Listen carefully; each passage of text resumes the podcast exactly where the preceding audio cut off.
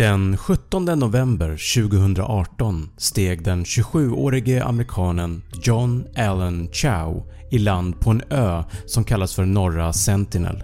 En relativt liten ö som tillhör Andamanerna i den Indiska oceanen. Ön är 60 kvadratkilometer stor, ungefär 10 kvadratkilometer större än Lidingö i Stockholm. Vad John inte visste när han klev i land var att han aldrig skulle komma därifrån. John visste inte att han begick ett stort misstag. Eller gjorde han det?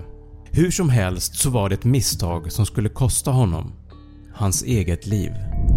På den här ön, Norra Sentinel, så bor ett av världens mest isolerade folk som kallas för sentineleserna.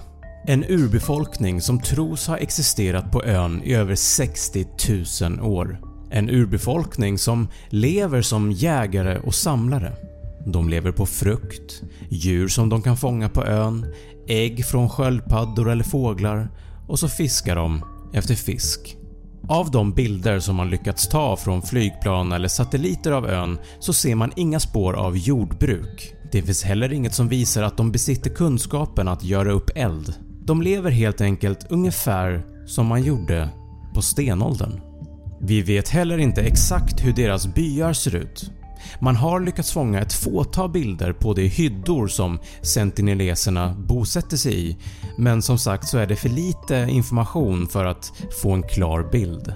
De är också relativt korta med en medellängd på ungefär 165 cm. Inga tecken på övervikt, de har synliga muskler och mörk hud. De beväpnar sig med pilbågar, knivar och spjut. Ovälkomna besökare har fått smaka på en och annan pil och sentineleserna är extremt skickliga bågskyttar och tvekar inte att skydda sin stam. Man vet dock inte så mycket mer om dem.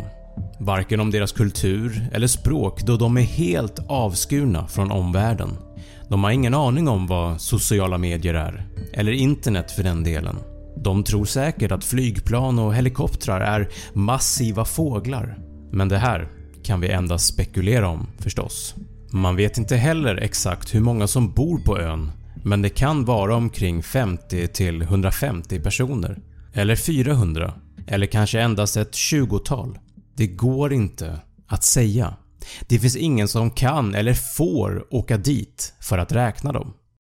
En av anledningarna till att man inte får åka dit är för att sentineleserna har inte byggt upp något immunförsvar mot de sjukdomar som vi är immuna mot.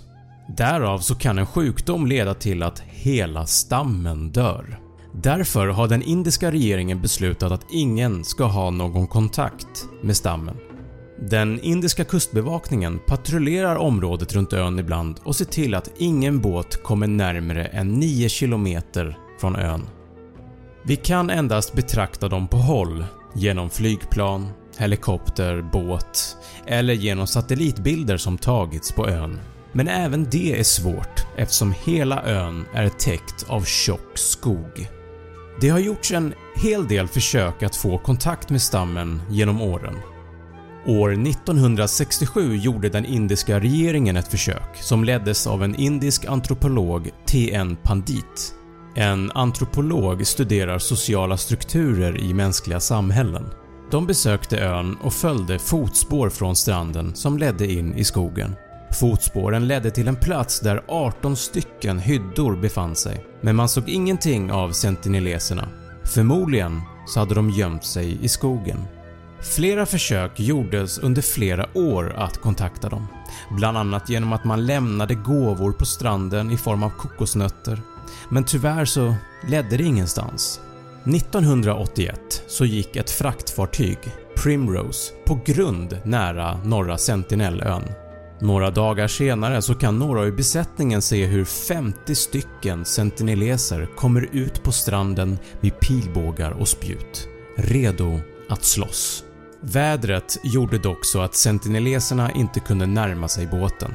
Besättningen på Primrose räddades med en helikopter en vecka senare. Den här båten går att se idag via satellitbild.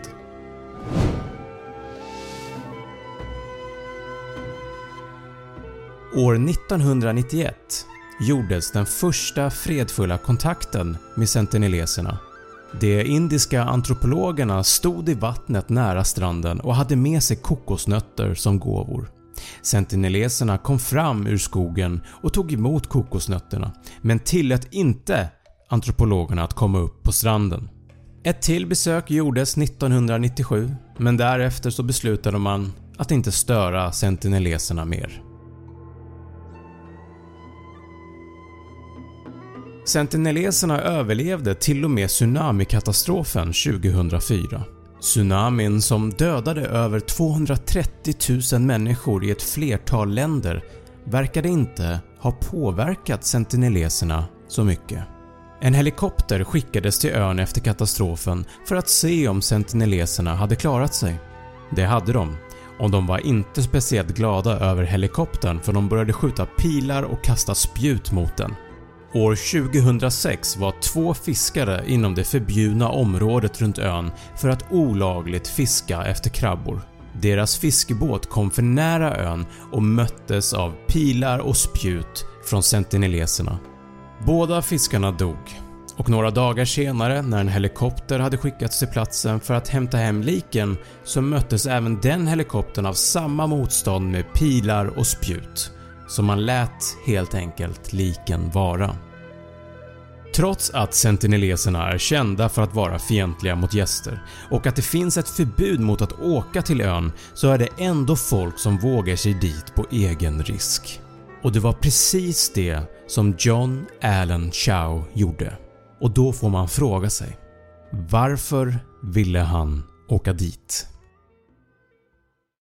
John hade betalat några fiskare 30 000 dollar för att hjälpa honom utföra den här olagliga resan till ön. John ville konvertera sentineleserna till kristendomen. Han började sin resa den 15 november och fiskarna tog honom ungefär 500 meter från stranden till ön och de varnade honom att inte fortsätta längre än så. John satte sig i en kanot och paddlade iväg mot ön. Han kom tillbaka lite senare under dagen med sår efter pilar som hade skjutits mot honom. Förmodligen så hade han lyckats fly med sitt liv i behåll. Men han ville tillbaka. Så han åkte igen den 16 november. Sentineleserna blev nu mycket irriterade och förstörde hans kanot. John fick simma tillbaka till fiskebåten. Men han ville inte riktigt ge upp ännu. Han gjorde ett till försök den 17 november. Det var den sista gången någon såg honom vid liv.